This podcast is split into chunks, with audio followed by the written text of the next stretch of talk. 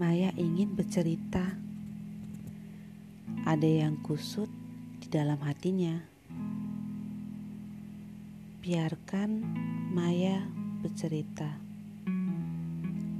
Meskipun kata-katanya acak dan berserakan, tapi itu jujur jauh dari dalam hatinya.